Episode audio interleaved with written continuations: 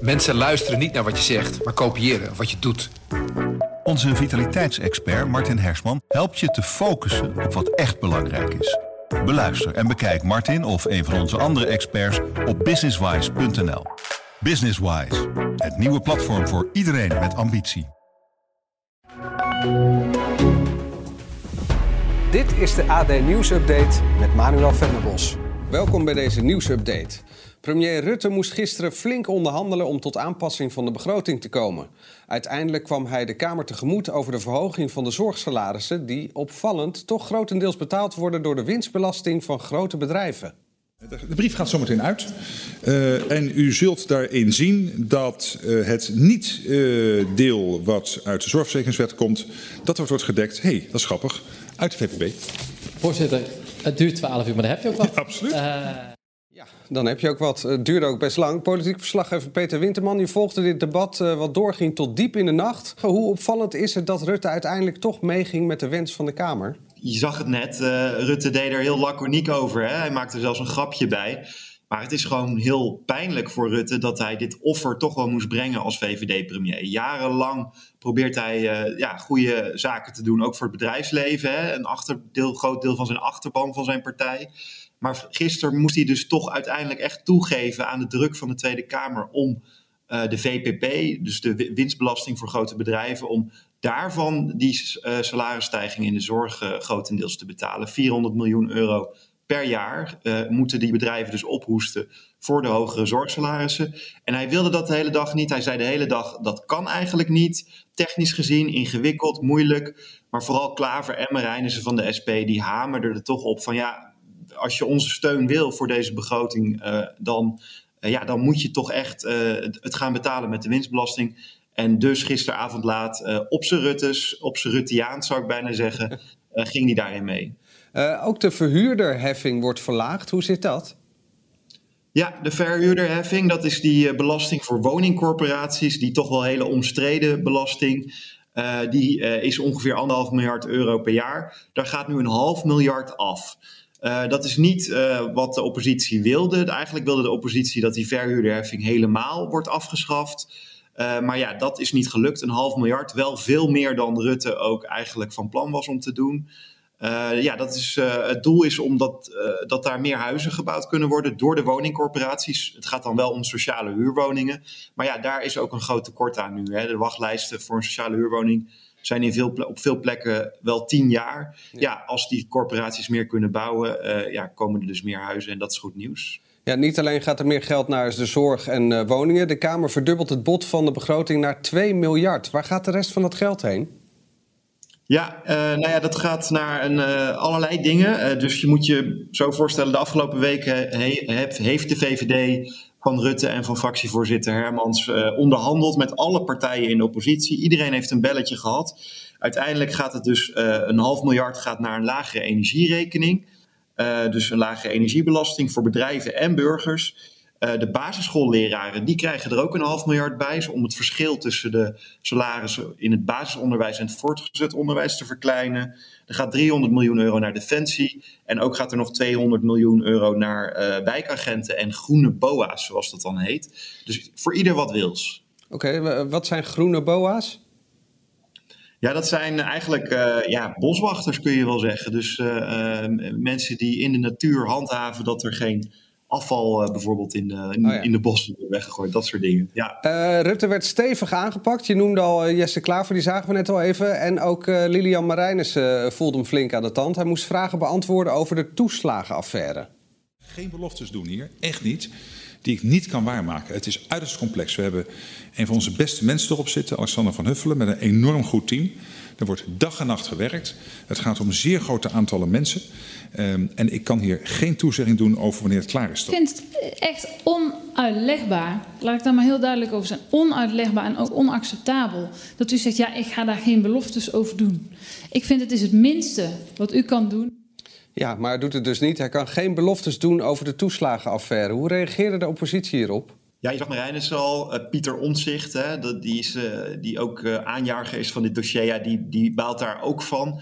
Eigenlijk alle partijen wel. Want het kabinet is natuurlijk begin dit jaar gevallen over die hele toeslagenaffaire. Daar is zoveel misgegaan. En tot op de dag van vandaag zijn heel veel ouders nog niet gecompenseerd. En dat is natuurlijk pijnlijk. Uh, het is, uh, Rutte zegt dan wel, ja, we zijn hier echt heel hard mee bezig. Daar heeft hij ook wel een punt, want uh, er is in totaal 5 miljard euro uitgetrokken om die hele toeslagenaffaire recht te zetten, om die ouders ook recht te doen. maar dat kost blijkbaar heel veel tijd, ook voor die ambtenaren, om het allemaal goed uit te zoeken. ja, daar zal Rutte ook de komende tijd zeker nog op worden bevraagd door de oppositiepartijen. Pieter Omtzigt, Lilian Marijnissen, Renske Leijten voorop. Ja, deze beschouwingen die maken opnieuw duidelijk dat de verdeeldheid in de Kamer groot is. Wat betekent dit nou voor de formatiegesprekken die volgende week weer verder gaan? Dat is eigenlijk wel de grote vraag die uh, inderdaad al de hele week boven deze begroting heeft gehandeld, uh, gehangen, moet ik zeggen. Mm Um, de verdeeldheid was groot. Aan de andere kant, die, al die plannen hè, waar nu extra geld voor uitgetrokken is, daar was steun voor van alle partijen in de Kamer, behalve bij één van Sylvana Simons. Die was niet uh, tevreden. Uh, dus het is wel knap wat er is gebeurd, uh, dat de VVD toch alle partijen iets heeft kunnen geven waar ze tevreden over zijn. En het was ook een spel, hè, natuurlijk, die verdeeldheid. Het is een spel, een soort onderhandelingsspel. Iedereen die wil wat krijgen in die begroting. dus wordt die verdeeldheid lijkt nog wat groter. De formatie gaat maandag verder. Um, wat het vooral heeft laten zien is dat de ChristenUnie toch nog wel, dat daar toch nog wel goed mee te praten valt voor VVD, D66 en CDA, de drie uh, coalitiepartijen. ChristenUnie is ook een coalitiepartij. Maar de laatste weken ja, stemden die heel vaak tegen de, de, de plannen van het kabinet. Bijvoorbeeld het wegsturen van Kaag en Bijleveld was ook het gevolg van het steunen van de motie van afkeuring door de ChristenUnie. Die ChristenUnie lijkt nu weer wat meer binnenboord te zijn. En ook GroenLinks en PvdA hè, stemmen uiteindelijk in met die begroting. Ook die partijen, ja, daar wordt toch wel naar gekeken volgende week. Wordt het mogelijk om misschien toch wel een meerderheidskabinet te gaan vormen met VVD, CDA, D66, GroenLinks, PvdA en ChristenUnie misschien wel? Wordt er gehoopt ook door uh, bijvoorbeeld D66 een meerderheidskabinet? Een minderheidskabinet kan ook nog steeds. Alleen ja, dat heeft deze week wel laten zien dat het heel lastig is om dan afspraken te maken die een meerderheid kunnen krijgen. Dat kost heel veel tijd en energie. Dus uh, de kansen voor een meerderheidskabinet zijn misschien wel groter geworden volgende week. Uh, we wachten het af. Blijf het voor ons volgen. Peter Winterman, dankjewel voor je uitleg. Ruim 750.000 Nederlanders waren in 2020 het slachtoffer van online seksuele intimidatie. Dat blijkt uit een steekproef van het CBS. Maarten Bloem is onderzoeker bij het CBS. Maarten, 750.000 slachtoffers, dat is een enorm aantal. Zijn jullie geschrokken van de uitkomsten van het onderzoek? Dat is zeker een groot aantal. Dit is de eerste keer dat we uh, dit onderzoek uh, doen. Dus we gaan de komende jaren dit vaker doen om te zien of dit, of dit aantal verder stijgt of, of daalt. Um, het gaat sowieso over heel veel vormen van, uh, van seksuele intimidatie online. Het vaakst komen voor uh, dingen als kwetsbare, uh, kwetsende opmerkingen, kwetsende grappen online. Ehm, of het ontvangen ongewenst van, van seksueel getinte foto's of films aandringen op een, op, op een date. Dat, dat komt echt heel regelmatig voor.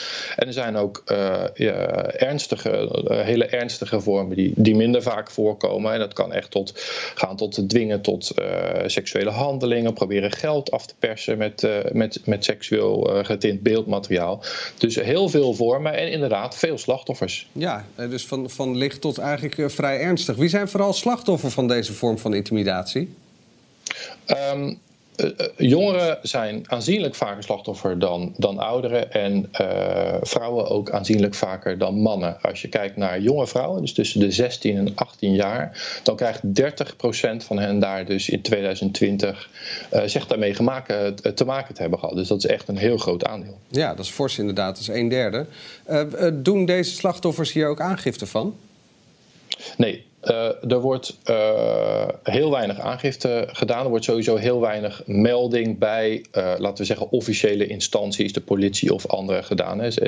Um, het aangifte wordt ongeveer in 1% van de, van de gevallen gedaan. Dat betreft natuurlijk vooral de, de, zwaardere, ehm, de zwaardere delicten. En we weten ook uit, uit onderzoek naar andere vormen van criminaliteit dat de, de aangifte enorm varieert. Dat er van veel delicten geen aangifte gedaan wordt. Ehm, maar dat betekent niet per se dat het dus dat het geen impact heeft. Want ondanks dat zo'n 85% van de, van de slachtoffers zegt, nou het heeft geen grote gevolgen gehad, deze online seksuele intimidatie, uh, is de meerderheid uh, bespreekt het wel. En dan vooral met familie, vrienden of partner. Nou, dat betekent natuurlijk wel dat, uh, dat het een vorm van impact heeft. Want het is ja. dus zeker het bespreken waard. Het is natuurlijk pas het eerste onderzoek, dus ik weet niet of je hier antwoord op kan geven. Maar heeft de lockdown en het thuiswerken vanwege de coronacrisis invloed gehad op deze cijfers? Uh, een hele goede vraag. Uh, uh, de eerste lockdown brak uit toen, het, uh, toen, toen dit onderzoek ongeveer een week onderweg was. En wij hebben dus niet kunnen vaststellen of, ehm, of corona of de lockdowns hier, invloed, hier invloed op hebben gehad. wat je in het algemeen natuurlijk wel ziet, is dat de digitalisering, die eigenlijk al 10, 15 jaar natuurlijk heel hard gaat. Hè, tegenwoordig heeft iedereen een smartphone.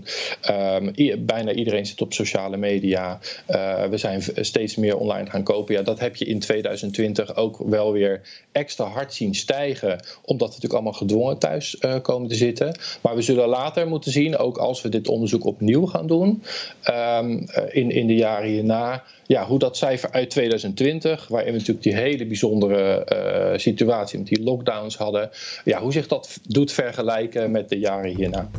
Arthur Bloem van het CBS, dankjewel voor je toelichting.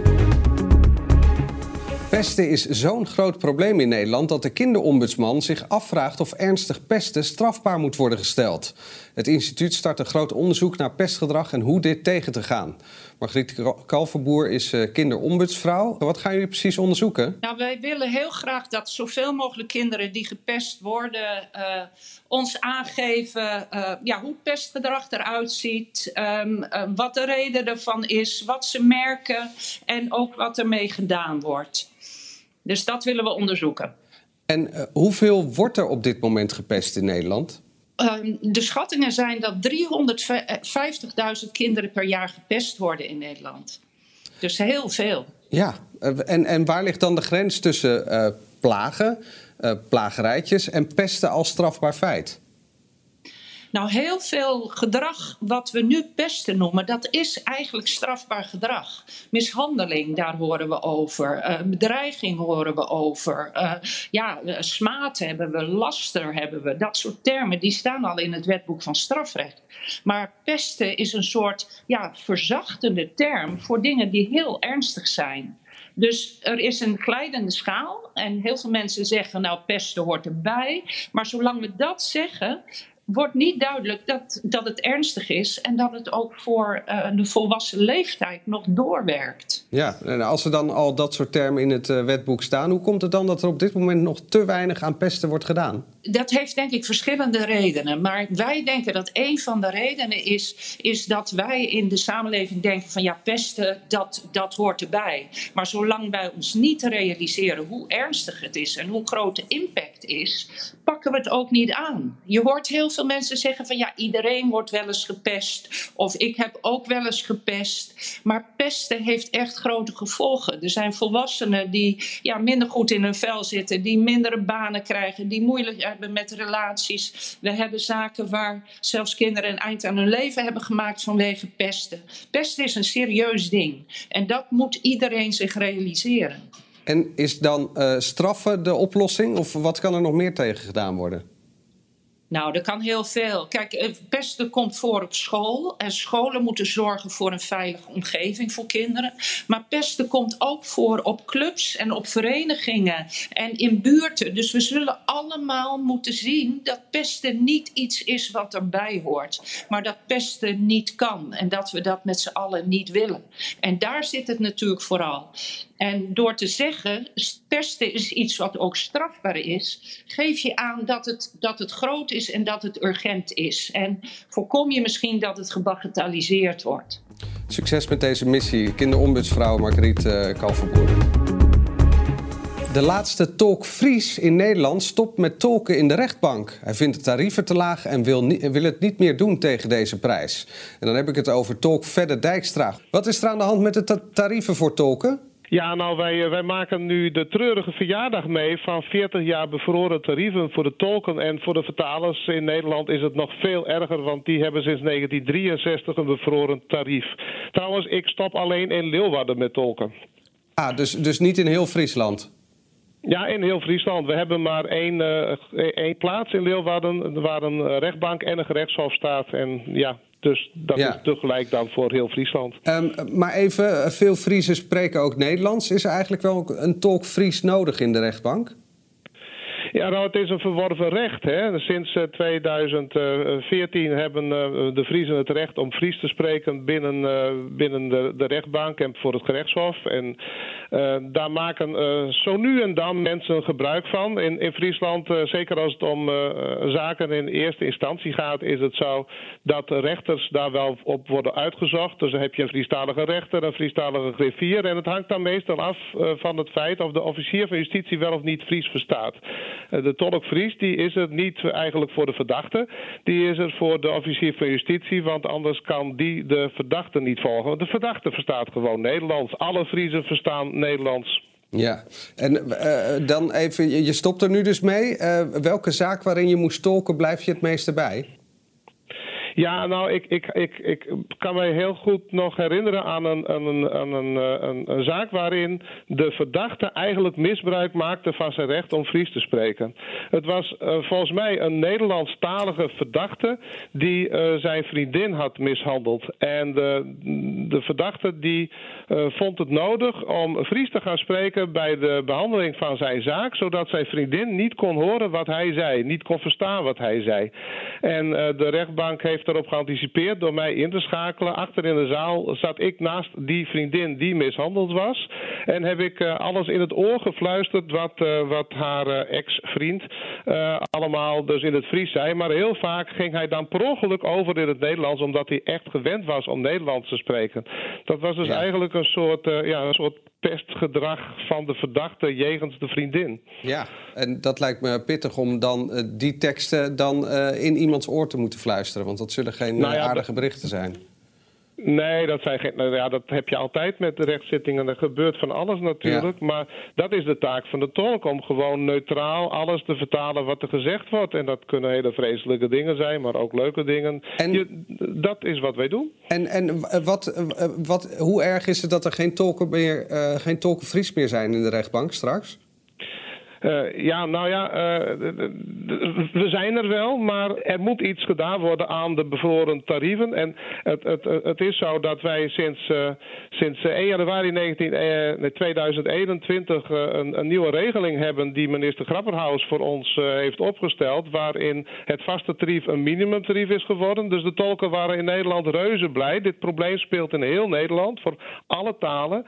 En we mochten dus nu gaan onderhandelen. En en dezelfde overheid die de regeling heeft gemaakt, heeft nu aan de medewerkers van het Openbaar Ministerie en aan alle politiediensten gezegd: jullie mogen niet onderhandelen. Dus het is een wassen neus, die hele regeling. En uh, wij dachten, nu uh, kan er dus uh, inderdaad iets gedaan worden aan de tarieven. Maar de minister heeft van het minimumtarief dus eigenlijk ook nu een maximumtarief gemaakt. Ja. En daar zijn we heel erg boos over, want is dit nu de marktwerking ja. die, die de monopolist, de Nederlandse overheid, wil wil hebben. Tot slot, uh, wat ga je dan nu doen? Ik blijf gewoon tolken, maar in de rest van Nederland. Hè. Dat, dit is een actie die in heel Nederland wordt gevoerd door alle tolken. Die werken niet meer voor de eigen rechtbank in de eigen regio.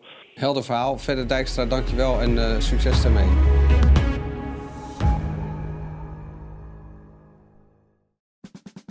Luister ook naar onze podcast Politiek Dichtbij. In een half uur praten we hierbij over de stand van zaken op het Binnenhof. En niet alleen vanuit de wandelgangen in Den Haag, maar ook vanuit een regionaal perspectief. We zijn te vinden in onze app, op Apple Podcast en op Spotify. En wie zijn wij dan? Wij zijn Leonard Beekman en Tobias den Hartog. Een goede spreker herken je aan de Q&A aan het eind. Onze lifehack-expert Martijn Aslander geeft je adviezen waar je echt wat aan hebt. Beluister en bekijk Martijn of een van onze andere experts op businesswise.nl. Businesswise, het nieuwe platform voor iedereen met ambitie.